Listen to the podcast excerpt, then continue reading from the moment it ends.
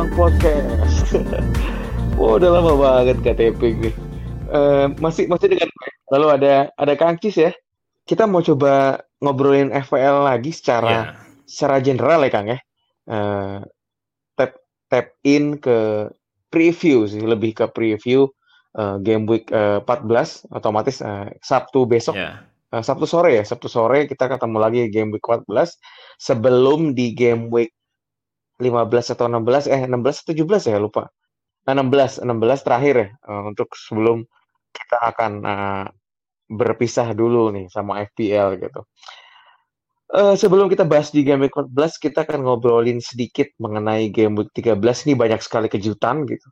Kejutannya lebih ke pemain-pemain tengah ini banyak yang melempem gitu. Banyak banget yang melempem mulai dari Zaha.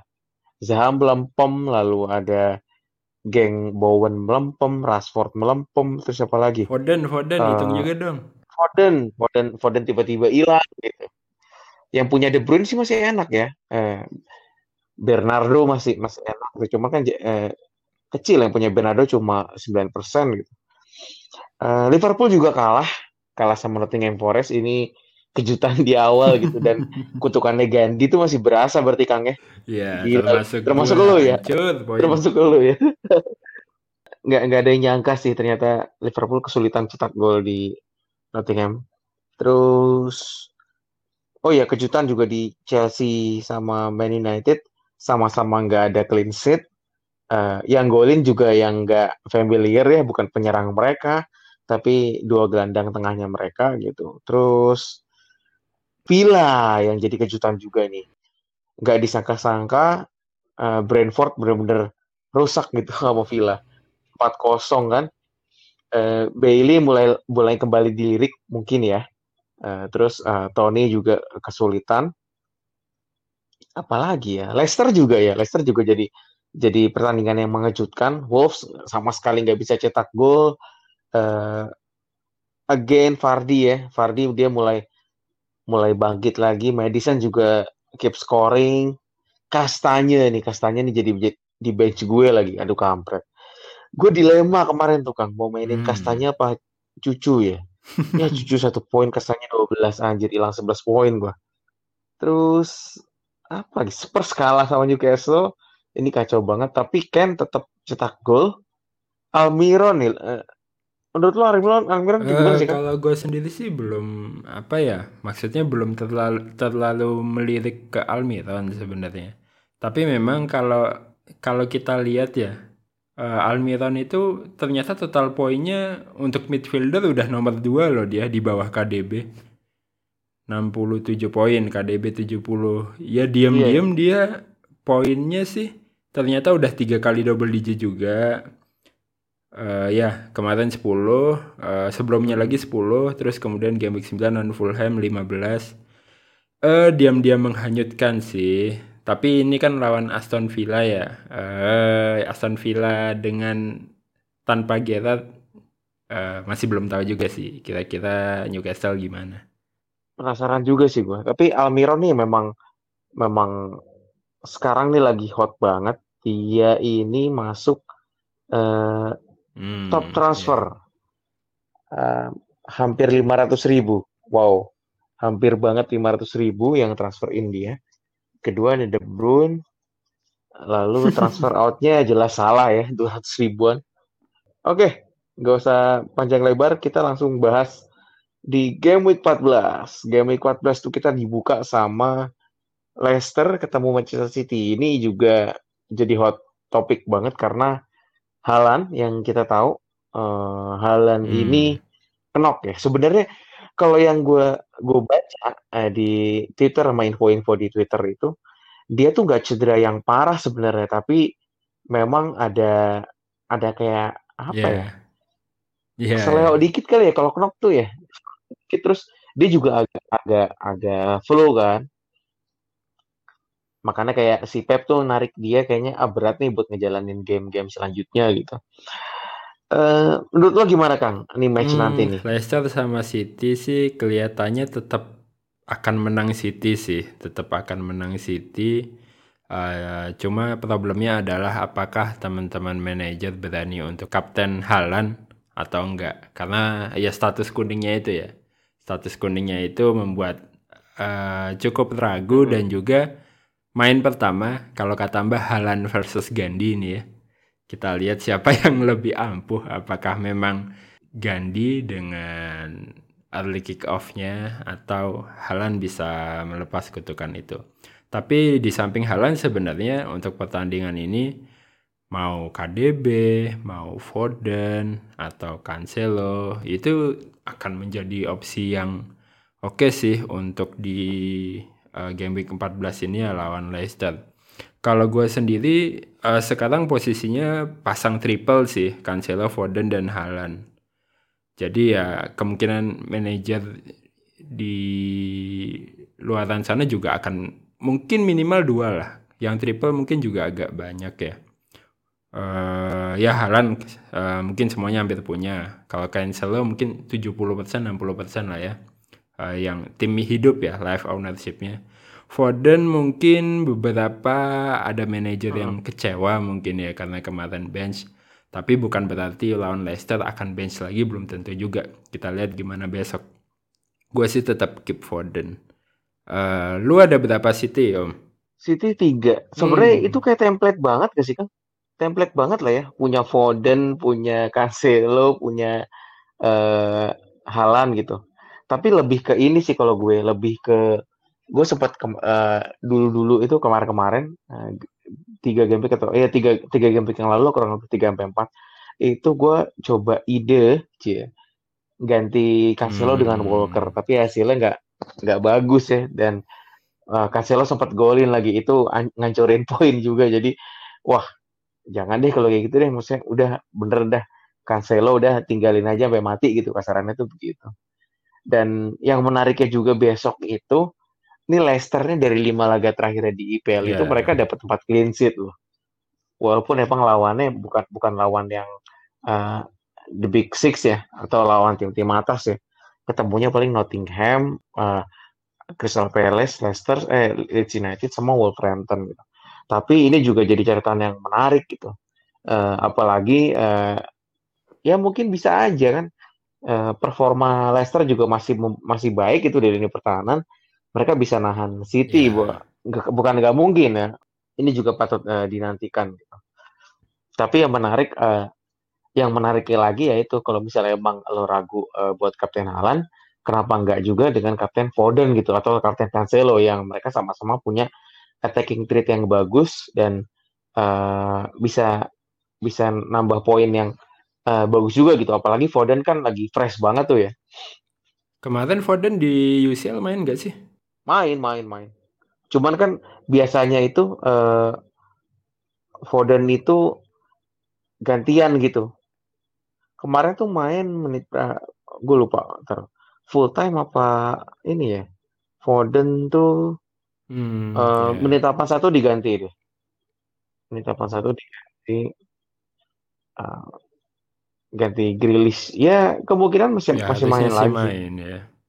apalagi kan emang Foden lagi lagi bagus iya lagi bagus di ini kan dan lagi bagus di IPL gitu uh, kemarin juga sebenarnya kan benchnya Foden itu ya cukup mengejutkan lah karena dari game week 1 emang dipasang terus ya sama Pep walaupun di game week 2 sempat main setengah babak aja. Yeah. Tapi ya benar-benar di game week 13 itu untuk pertama kali Foden gak start. Ya harusnya sih di game week besok akan kembali start ya. Yoi, apalagi uh, mereka uh, ngejar menang banget nih setelah kemarin Arsenal gagal yeah. gagal dapat uh, poin penuh kan kita lanjut ke Bournemouth sama Spurs. Ini kabar uh, lagi-lagi kenok ya, kenoknya si Solanke ini juga jadi uh, berita yang tidak menggembirakan bagi sebagian manajer karena kita tahu ownership Solanke ini juga uh, beranjak naik ankle dia ankle injury malah bukan kenok lagi 3,4 persen dia sempat naik uh, jadi diferensial juga dan jadi striker ketiga ya paling jadi nggak nggak akan uh, berdampak banyak sih nantinya. Spurs kemarin kalah sama Newcastle. Gimana nih? Uh, apakah Ken masih uh, bisa dirasa optimal nih? Ken ya. Ken tetap lah. Ken itu ya kemarin blank cuma lawan MU bahkan ketika kalah lawan Newcastle juga uh, dia ada cetak satu gol ya. Uh, Ken ini sebenarnya semacam ketutupan sama Halan aja sih. Budget budget untuk uh, striker premium uh, kebanyakan orang udah ke Halan. Mungkin adalah beberapa yang berani pasang uh, Ken dan Halan mungkin mengorbankan sedikit di tengah atau di belakang ya. Tapi Ken sendiri sih empat pertandingan terakhir dia uh, ada 9 shoot on target ya. Berarti rata-rata dua shoot on target uh, per pertandingan. Yang mana itu uh, untuk striker ya yang paling tinggi sih untuk empat game week terakhir ya. Uh, next lawan Bournemouth juga gue sempat dengar kabar kipernya Bournemouth cedera nggak ya itu si Neto Neto ada sempat kabar nggak main sih. Tapi maksudnya perlu di cross check lagi. Bisa jadi yang main Travers ya. Nah itu uh, Ken sebenarnya salah satu opsi kapten juga di game week. Ini sih buat yang punya ya. Buat yang punya ini Ken nggak ada salahnya sih untuk uh, coba di gambling lah. Ya dengan asumsi kalau misalkan Halan emang nggak main ya itu Ken bisa jadi opsi salah satu opsi kapten juga. Uh, selain Kane, Son ya Son mungkin diferensial sih. Son hitungannya sekarang udah diferensial ya. Uh, dengan budget yang mirip-mirip, kalau untuk sekarang gue lebih prefer Kane daripada Son. Bournemouth ini yang dibantai Liverpool 9-0 kan. Tapi memang semenjak semenjak 9-0 kemudian pelatihnya dipecat, ya sekarang sudah tidak mudah lah untuk mengalahkan Bournemouth. Tapi di pertandingan ini tetap uh, Tottenham menang tipis sih harusnya. Oke. Kita lanjut ke Brentford lawan Wolves. Ini kita tahu kemarin ini hmm. uh, Raya dapat bonus poin ya walaupun timnya kebantai. Uh, cuman memang uh, Tony kesulitan, Ivan Tony kesulitan. Hmm, menarik juga nih dua dua tim pesakitan nih Wolves kebantai juga, Brentford kebantai juga, kebantainya juga sama-sama 4-0. Uh, eh, cuman kalau misalnya gue punya Tony sih, gue pasti pasang terus ya. Uh, ketemunya Wolves juga, jadi uh, potensially si Tony ini kan bukan cuma jago uh, di uh, set play ya, tapi di bola-bola mati ini dia gantang juga nih gitu. Apalagi tendangan tendangan free kick ini bagus gitu. Menarik juga sih. Uh, buat yang punya aset Brentford nih buat memaksimalin ketemu Wolves ya? Hmm, ya yang yang jelas sih kalau yang punya Tony dan Raya jelas harus dipasang sih di pertandingan ini ya. Uh, ya walaupun sama-sama habis dibantai, ini kelihatannya sih Brentford sedikit sedikit unggul ya uh, karena main kandang juga.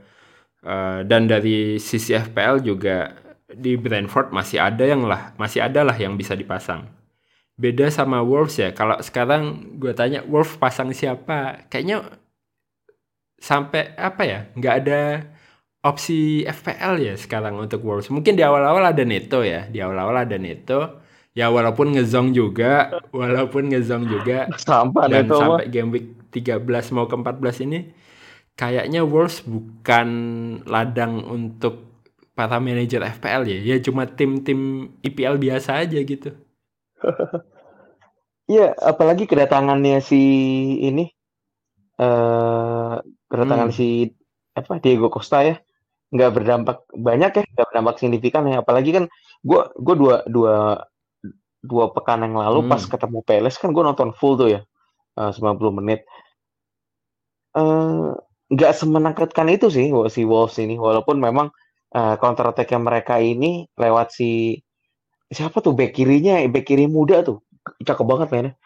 Dapat gol dari Adama Traore cuman buat sisi tengah si penyerang tengah si Diego Costa ini nggak terlalu kayak expose ya si Raul Jimenez ke mana sih kan cedera ya Jimenez terus ada kemarin striker baru itu kan eh yang Kalazik itu striker kan Kalazik itu cedera cedera juga ya makanya sampai iya, iya. datengin Diego Costa kan karena itu nggak ada striker Ya udah lanjut, lanjut aja kita ke Brighton lawan Chelsea.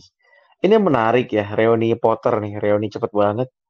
Uh, udah langsung ke tandang ke markasnya Brighton. Markas Brighton tuh kalau nggak salah namanya, tuh gue lupa lagi. Amex ya, Amex Stadium.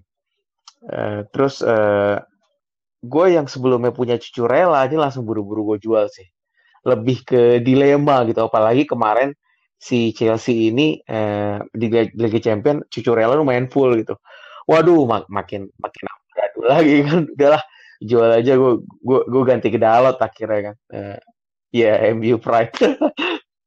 Terus uh, ini apa? Uh, menarik juga Chelsea ini silih berganti ya. Uh, si Mbah juga pernah punya Obama yang nggak tahu sekarang masih punya apa enggak. Terus sempat kepikiran Sterling, tapi ternyata ya nggak cor mount dia, nggak banyak yang punya mount.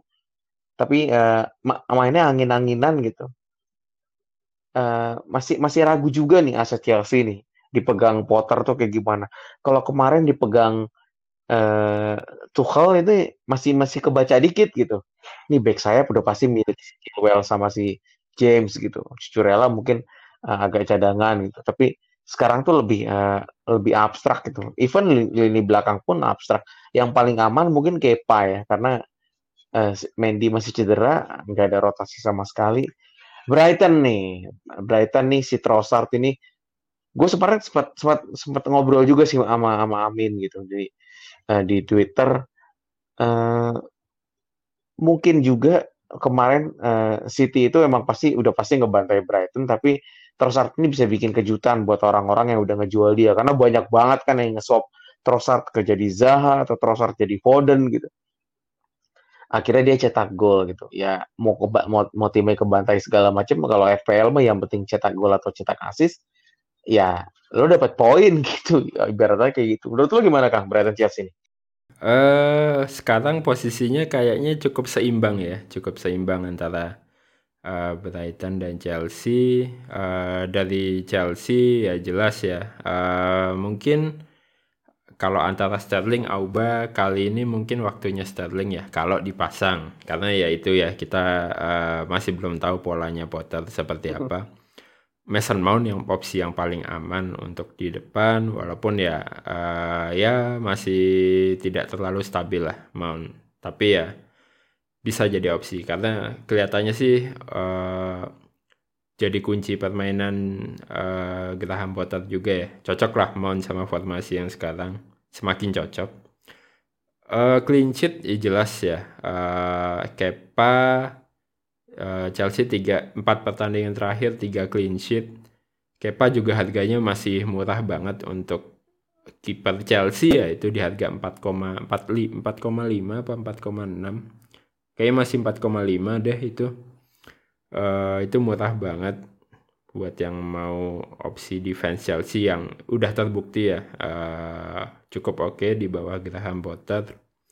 Nah tapi di Brighton sendiri setuju Trossard ini memang tidak bisa diabaikan ya uh, empat pertandingan terakhir dia ada 26 touch di kotak penalti. Artinya memang Trossard ini tipe pemain yang sering tiba-tiba nongol di kotak penalti ya. Nah, tinggal bagaimana uh, dia memanfaatkan peluang itu. Ketika memang ada peluang bagus di depan gawang Chelsea ya bukan tidak mungkin dia akan uh, cetak gol lagi. Tapi memang ya uh, beberapa manajer langsung buang. Sebenarnya karena fixturnya sih kayak kemarin lawan City, sekarang lawan Chelsea. Ah buang aja lah. Karena kayaknya sampai sampai Piala Dunia uh, jadwalnya juga sosok lah bukan termasuk yang bagus ya uh, setelah lawan Chelsea lawan Wolves sama Villa. Uh, ya sosok lah. Wolvesnya away Villanya ya uh, kita tahu ya Villa lagi naik. Ini nggak tahu apakah ini masih fixture yang oke okay apa enggak apalagi kan agak Brighton ya. Lanjut ke Crystal Palace ketemu Southampton. Yang ini udah nggak usah diragukan lagi. Uh, buat yang punya Zaha pasang, yang punya Edward uh, lihat timnya dulu. Tapi rekomendasi buat dipasang karena apa? Uh, track recordnya uh, Palace ini kalau main di kandang ini uh, mereka cukup rajin mencetak gol gitu. Jadi dari statistik uh, 13 pertandingan yang udah dilakonin ini uh, mereka ini gagal cetak uh, gagal uh, menang pas di kandang ini pas ketemu Arsenal kalah, ketemu Chelsea kalah, ketemu Brentford seri, sisanya menang. Terus yang statistiknya Zaha lebih lebih lebih bagus lagi itu di home. Dia cuma gagal cetak gol itu pas lawan Chelsea atau cetak poin lawan Chelsea sama lawan Arsenal. Sisanya itu dia kalau nggak bikin assist dia bikin gol gitu. Termasuk yang uh, diferensial kapten gue kemarin di lawan Wolves, dia cetak gol di game week 12. Uh, lumayan ya dibanding kapten salah yang nggak nggak bikin gol misalnya seperti itu. Uh, menarik ini uh, si Peles ketemu Southampton dan uh, Zaha mungkin bisa bakal jadi rekomendasi kapten juga di pos di saat di kondisi saat uh, Halan diragukan uh, hmm, absen. Ya, Zaha, gimana kan? Walaupun uh, beberapa pertandingan terakhir ya kita berekspektasi cukup tinggi dengan Zaha karena memang jadwalnya enak, tapi uh, kemarin lawan Everton ya uh, cuma satu poin ya karena yellow card juga. Yellow card. Tapi sebelumnya cukup sukses ya yang lawan Wolves ya uh, satu gol. Uh, untuk lawan Soton ini uh, kemungkinan bisa dipasang sih, bisa bisa dipasang. Tapi untuk kapten ini benar-benar kapten gambling ya karena uh, beberapa opsi premium uh, oh. di game week ini juga jadwalnya enak. Mungkin beda sama blank kemarin ya. Uh, jadi kalau gue sih ya mungkin kalau mau kapten diferensial bisa tapi uh, mungkin apa ya efektif ownershipnya juga nggak tinggi harusnya untuk Zaha ini. Kalau untuk mau coba untuk menaikkan ranking gambling itu itu bisa banget. Sebenarnya yang yang bisa di highlight juga ini ada Edward ya tadi udah disebutin juga. Ini murah sih, ini striker main yang murah. Ini di ya. bawah 5,4 kalau nggak salah harganya. Ini ya ini benar-benar iya, striker ketiga gue ini, ini Nebler di ya. posisi uh, so far uh, Edward masih jadi pilihan utama Peles uh, dan mungkin highlight untuk Anderson ya. Anderson backnya uh, Peles uh, oke okay, mungkin uh, clean sheet bonus kali ya. Clean sheet bonus lah karena dua dua pertandingan terakhir juga nggak clean sheet iya. si Anderson atau gue iya. Tapi di sini gue mau highlight Anderson karena empat pertandingan terakhir dia ada lima attempt from set piece. Jadi potensi tiba-tiba ada uh, apa ya ada mungkin ada header dari Anderson di depan tiba-tiba ketika set piece. Itu peluangnya cukup besar sih. Uh, jadi bisa bisa menjadi opsi diferensial juga kalau tidak mau mengharapkan clean sheetnya clean sheetnya Peles mungkin bisa jadi Anderson uh, walaupun chance-nya tidak terlalu besar tapi data menunjukkan uh, dia setiap ada set piece uh, dia sering untuk uh, mencari peluang di sana. Jadi cukup oke okay lah untuk untuk Peles Peles lawan Soton mm, menang Peles sih, menang Peles uh, tipis lah, menang Peles. Soton Soton belum ada opsi sih. Kemarin sempat si C Adam ya, C Adam walaupun uh, ya ada kayak uh, ada assist, ada gol cuma memang belum terlalu stabil juga untuk timnya ya, untuk timnya. Warp throw saja di awal-awal ya, warp post di awal-awal sempat sempat rame tapi ke sininya blank terus memang nggak tahu sih. Uh, mungkin Soton as a team ya yang memang lagi kurang. Kayaknya di papan bawah juga Soton ya. Jadi ini harusnya menang Peles sih. Oke kita lanjut ke Newcastle. Newcastle ketemu dengan Aston Villa. Ini menarik ke kebangkitan Aston Villa setelah pemecatan Gerrard pelatih baru siapa kan? Gue lupa nih. Emery kan? Emery ya Unai Emery udah Emery. Nah, ya di sisi lain kalau kita gak usah ngomongin Trippier lah ya, Trippier kemungkinan udah banyak banget yang punya 60% ownership. Itu mah ya udahlah. Lo kalau nggak punya, buy. Misalnya kayak gitu. Nah, uh, Almiron ini yang menarik. Uh, dia saat ini mengukuhkan uh, peraih poin tertinggi kedua untuk barisan gelandang di bawah De Bruyne uh, 70 poin, uh, Almiron 67 dengan harga yang dua kali lipat di bawahnya De Bruyne. Luar biasa, 5,4 juta Miguel Armiron Rehala. Uh, dia statistiknya di lima game terakhir juga mengerikan. Monster nih orangnya. Uh, lima game terakhir itu dia cetak Hmm, 5 gol. Wow. 5 gol ter bukan tidak yang tidak tidak yang lawan MU ya, tapi uh, ketemu Fulham dia brace, ketemu Brentford cetak satu gol, Everton satu gol, yang terakhir uh, gol uh, membawa kemenangan juga untuk Newcastle di Spurs. Wow, Almiron. Gimana menurut lo, Kang? Ya, Trippier wajib lah. Mungkin kebanyakan juga punya pop ya, double sama Trippier. Itu pasti dipasang. Uh, Almiron uh, hot ya, hot item. Cuma memang ya tadi uh, di awal gue juga udah sampein. Ya gue gua personal sih, gue personal belum belum merasa butuh untuk ambil Almiron masih mungkin tunggu entah ya apa mungkin setelah World Cup kalau memang konsisten bisa jadi pertimbangan atau takutnya nanti habis World Cup malah uh, melempem lagi ya. Tapi ya kita nggak tahu lah untuk Almiron uh, ya gua gua malah melihat itu ya Scar ya uh, back uh, backnya backnya Newcastle Fab, Fabian Sadr ini Oh Fabian Sar. Uh, empat game week terakhir uh, ini back tapi empat game week terakhir ada empat shoot on target. Jadi benar-benar apa ya? Uh, ya dia dia di depan lah. Mungkin case-nya ketika corner atau gimana ya. Jadi sekali ini opsi juga mungkin kalau.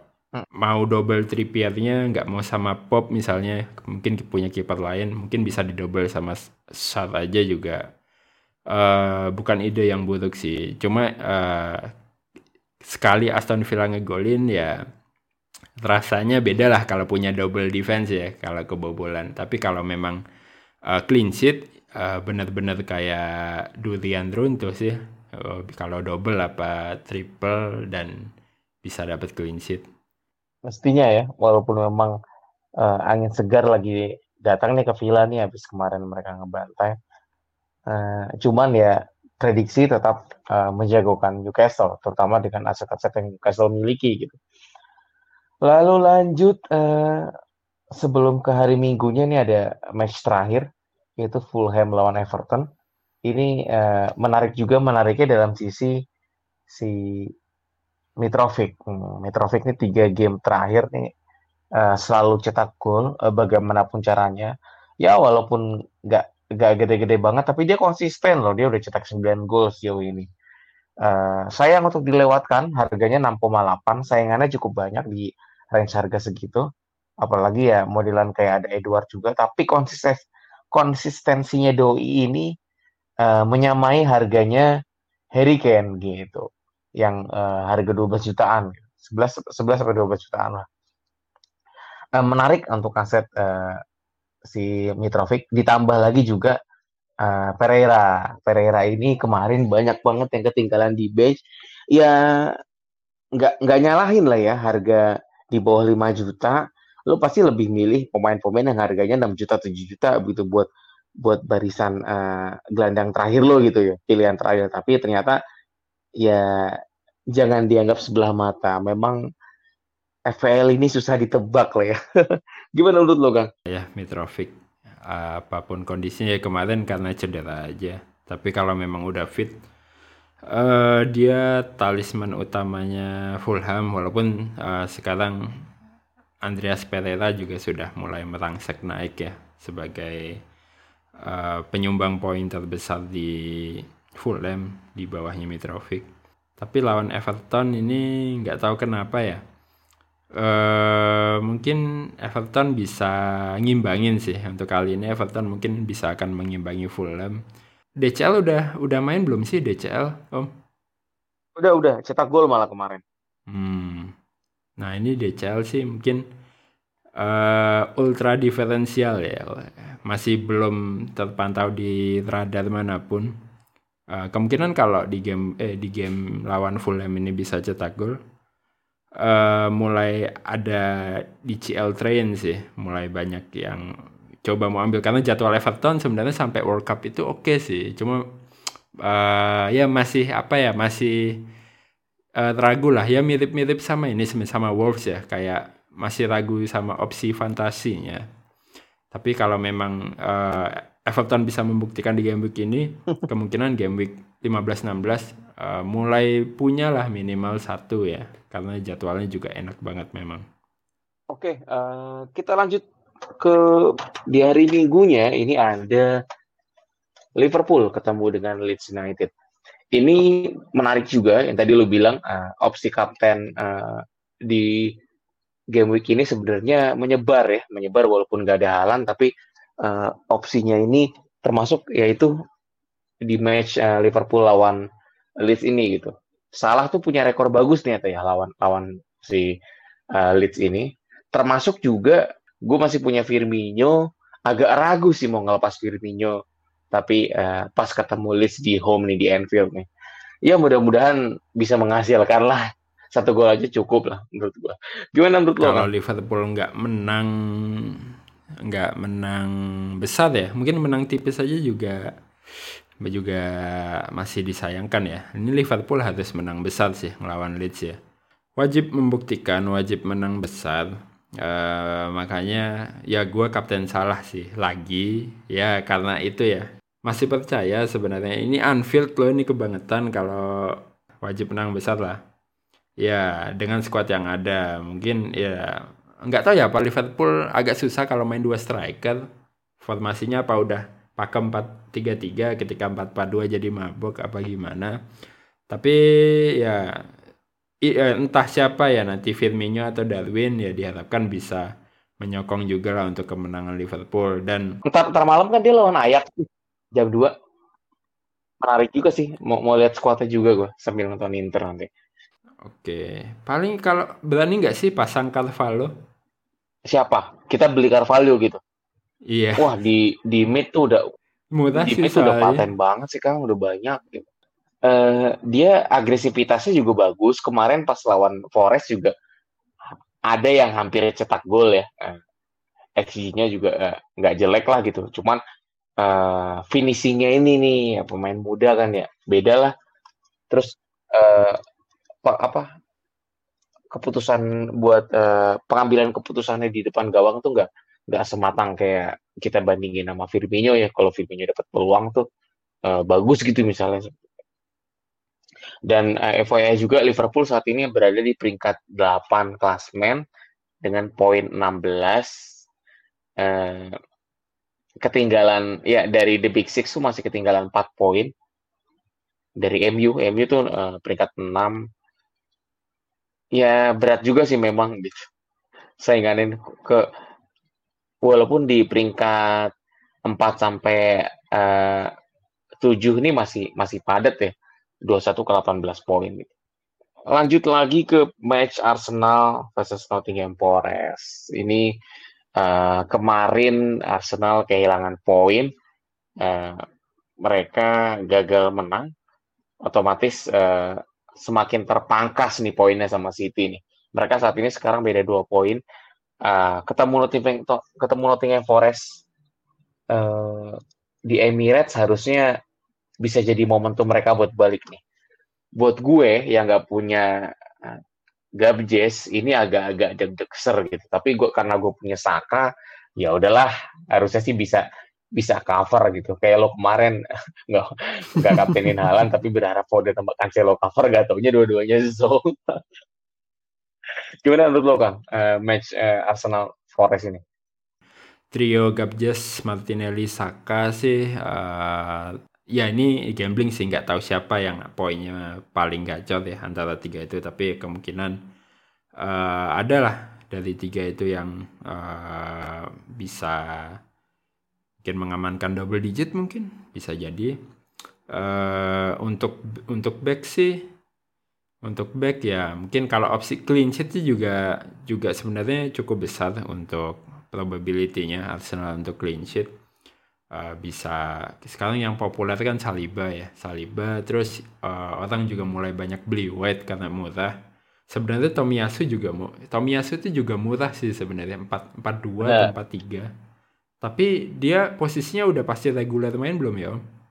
Uh, tergantung ya. Kemarin tuh kayaknya tirnya tuh baru baru baru apa? Uh, lagi manas-manasin aja gitu.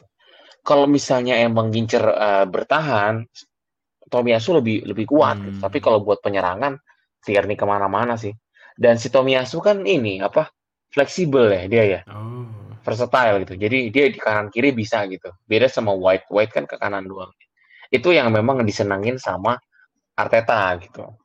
Cuman uh, kalau buat uh, gambling emang disaranin jangan apa ya mendingan yang pasti-pasti aja sih gitu. hmm. gitu mendingan Saliba atau White sekalian gitu oke itu dari Arsenal uh, match terakhir nih match terakhir MU lawan West Ham ini juga menarik uh, MU kemarin uh, menggagalkan sih menggagalkan kemenangan Chelsea di depan mata uh, not bad lah kita uh, imbang di uh, Stamford Bridge tapi juga uh, bisa jadi uh, warning juga karena MU ini peluangnya banyak sebenarnya kan.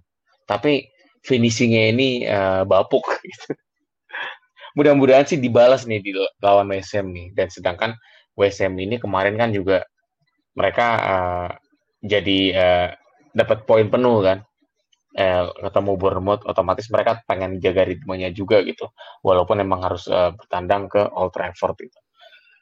Gue masih punya Rashford dan gue masih percaya doi tinggal tinggal pecah telur aja nih. Minimal satu gol atau brace atau malah mungkin bisa bisa hat trick gitu. Hopefully. Kalau menurut lo gimana kan mungkin salah satu opsi kapten ya untuk untuk game begini sebenarnya Rashford dan Anthony bahkan itu mereka berdua empat game week terakhir ada lima shot on target ya sama berarti sejajar dengan salah ya salah Anthony Rashford itu ada uh, untuk di gelandang paling tinggi ya di 5 shot on target di 4 game week terakhir.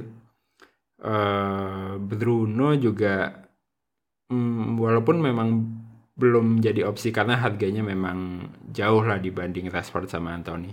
Tapi Bruno ini mungkin kalau dari permainan dia uh, 4 game terakhir ada 18 chance created ya. Jadi ya sudah hitungannya udah mulai hidup lah mm -hmm. untuk uh, kita kenal Bruno yang dulu yang bikin-bikin peluang ini sudah mulai ada lagi walaupun memang belum worth dengan harganya karena outputnya juga masih uh, belum ya belum meyakinkan lah tapi it's okay sih untuk MU ini uh, harusnya menang ya kecuali pasang Ronaldo ya kalau pasang Ronaldo mah nggak tahu wah enggak lah the game over dia kalau kata Coach Justin tuh Ronaldo infinito, dia finish. Setuju. Nah, ini sekalian ngomongin cakapnya calon kapten.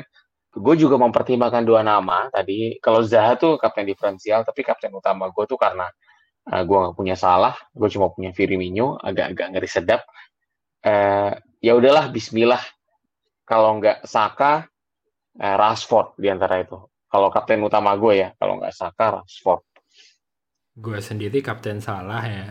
Uh, ya walaupun kemarin sudah dikecewakan, apakah dia akan mengecewakan lagi?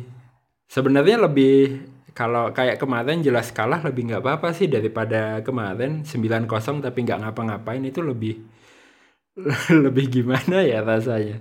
Jadi ini ini kemungkinan Liverpool akan menang sih. Jadi harapannya salah adalah yang Uh, ya tapi jangan cuma satu assist ya, ya minimal satu gol, minimal dapat bonus poin lah, minimal dapat bonus poin itu uh, bisa lah untuk mengamankan kapten. Tapi dengan catatan Halan poinnya tidak lebih tinggi daripada Salah ya. Kalau lebih tinggi ya sama aja, tetap hitungannya kapten zong sih. ini ini kayaknya walaupun kuning, gue yakin masih banyak yang akan kapten Halan sih. Uh, iya, cari aman. Cuman resiko ya Kang ya. Si Pep ini kan orang gendeng ya. gendeng dalam artian dia sering memutarbalikan fakta, memutarbalikan kenyataan dalam dunia nah, fantasi Premier League ini. Ada yang bisa nebak nggak dia menit 88 atau menit 89 mainin Halan kan atau menit 85 deh. Kalau dapat satu gol sih mending, kalau enggak dan dia main game pertama loh, hati-hati loh, men. Gandhi. itu agak ngeri juga sih jadinya. Nah, itu tadi uh, calon kapten uh, kita berdua. Uh, dari Kancis salah, dari gue kalau nggak Saka, Rashford. Nih mumpung ada lu, cakap cakap lu siapa kak, apa bang? standar lah.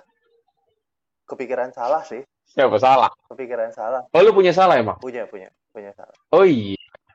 Kapenin lu ya. Hampir masuk jadi oh jadi budak lu ya? Ya Allah. Jadi dong. Semoga selamat Enggak selamat. Yoi. akhirnya kena lagi. Kena lagi ya. Emang beda tuh pressure pressure space si apa, Iwan Salim bilang anjir Oke, uh, sebelum kita tutup kita ngomongin ikan peda dulu. Uh, ini kan pemain beda.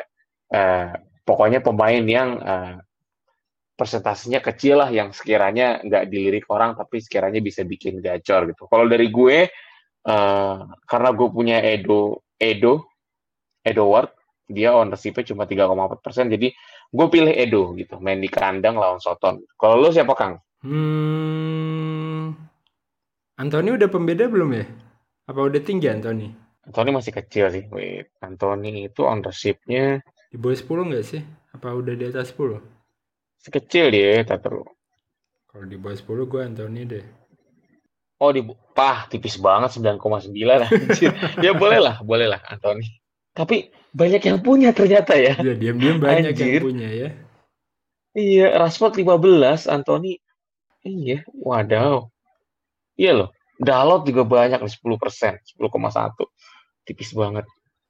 Oke oke menarik. Sancho yang yang yang kecil ya 4,2 4,6. Kemarin juga lihat mainnya Sancho tai banget ya. bang, siapa Bang? Ikan peda lu, Bang? Ya, si kepikiran. Siapa ya? Oh, itu tuh uh, midfieldnya Leeds tuh ITC oh, enak di Sinistera. Apa Sinister? Lawan Liverpool tapi, Bang, Bang. Sinistera. ah, Liverpool yang suka Liverpool yang sekarang ayo lah. Masa takut sih? Ini Nottingham Forest loh, menang lawan Liverpool habis itu nggak ke mana-mana juga, tetap peringkat bawah. Sinister tadi kan karena karena dia pemain baru ya, jadi sebenarnya belum belum uh, fully dapat uh, kepercayaan lebih sih dari pelatih gitu. Tapi uh, dia mulai dapat menit bermain gitu kalau lihat dari historinya. Belum mencetak gol semenjak game week 5 dan 6. Tapi ya menarik sih Sinistera gitu. Gue kira bakal ada nama Rodrigo gitu. Karena Rodrigo ini udah mulai uh, tune in lagi. Dia udah cetak satu gol. Kita tahu hype-nya dia di tiga game week awal ini luar biasa ya Rodrigo ya sebelum dia kena cedera terus hilang uh, gitu. Oke ya kita cukup cukupkan saja kurang lebih uh, podcast di episode kali ini. Sih gue nggak tahu episode berapa tapi semoga kita konsisten uh, dengan tampilan seperti ini. Ya kita ucapkan selamat eh, datang kembali di podcast Mister Gawang. Sampai jumpa di lain kesempatan. Hati-hati di jalan yang mendengarkan. Mister Gawang pamit.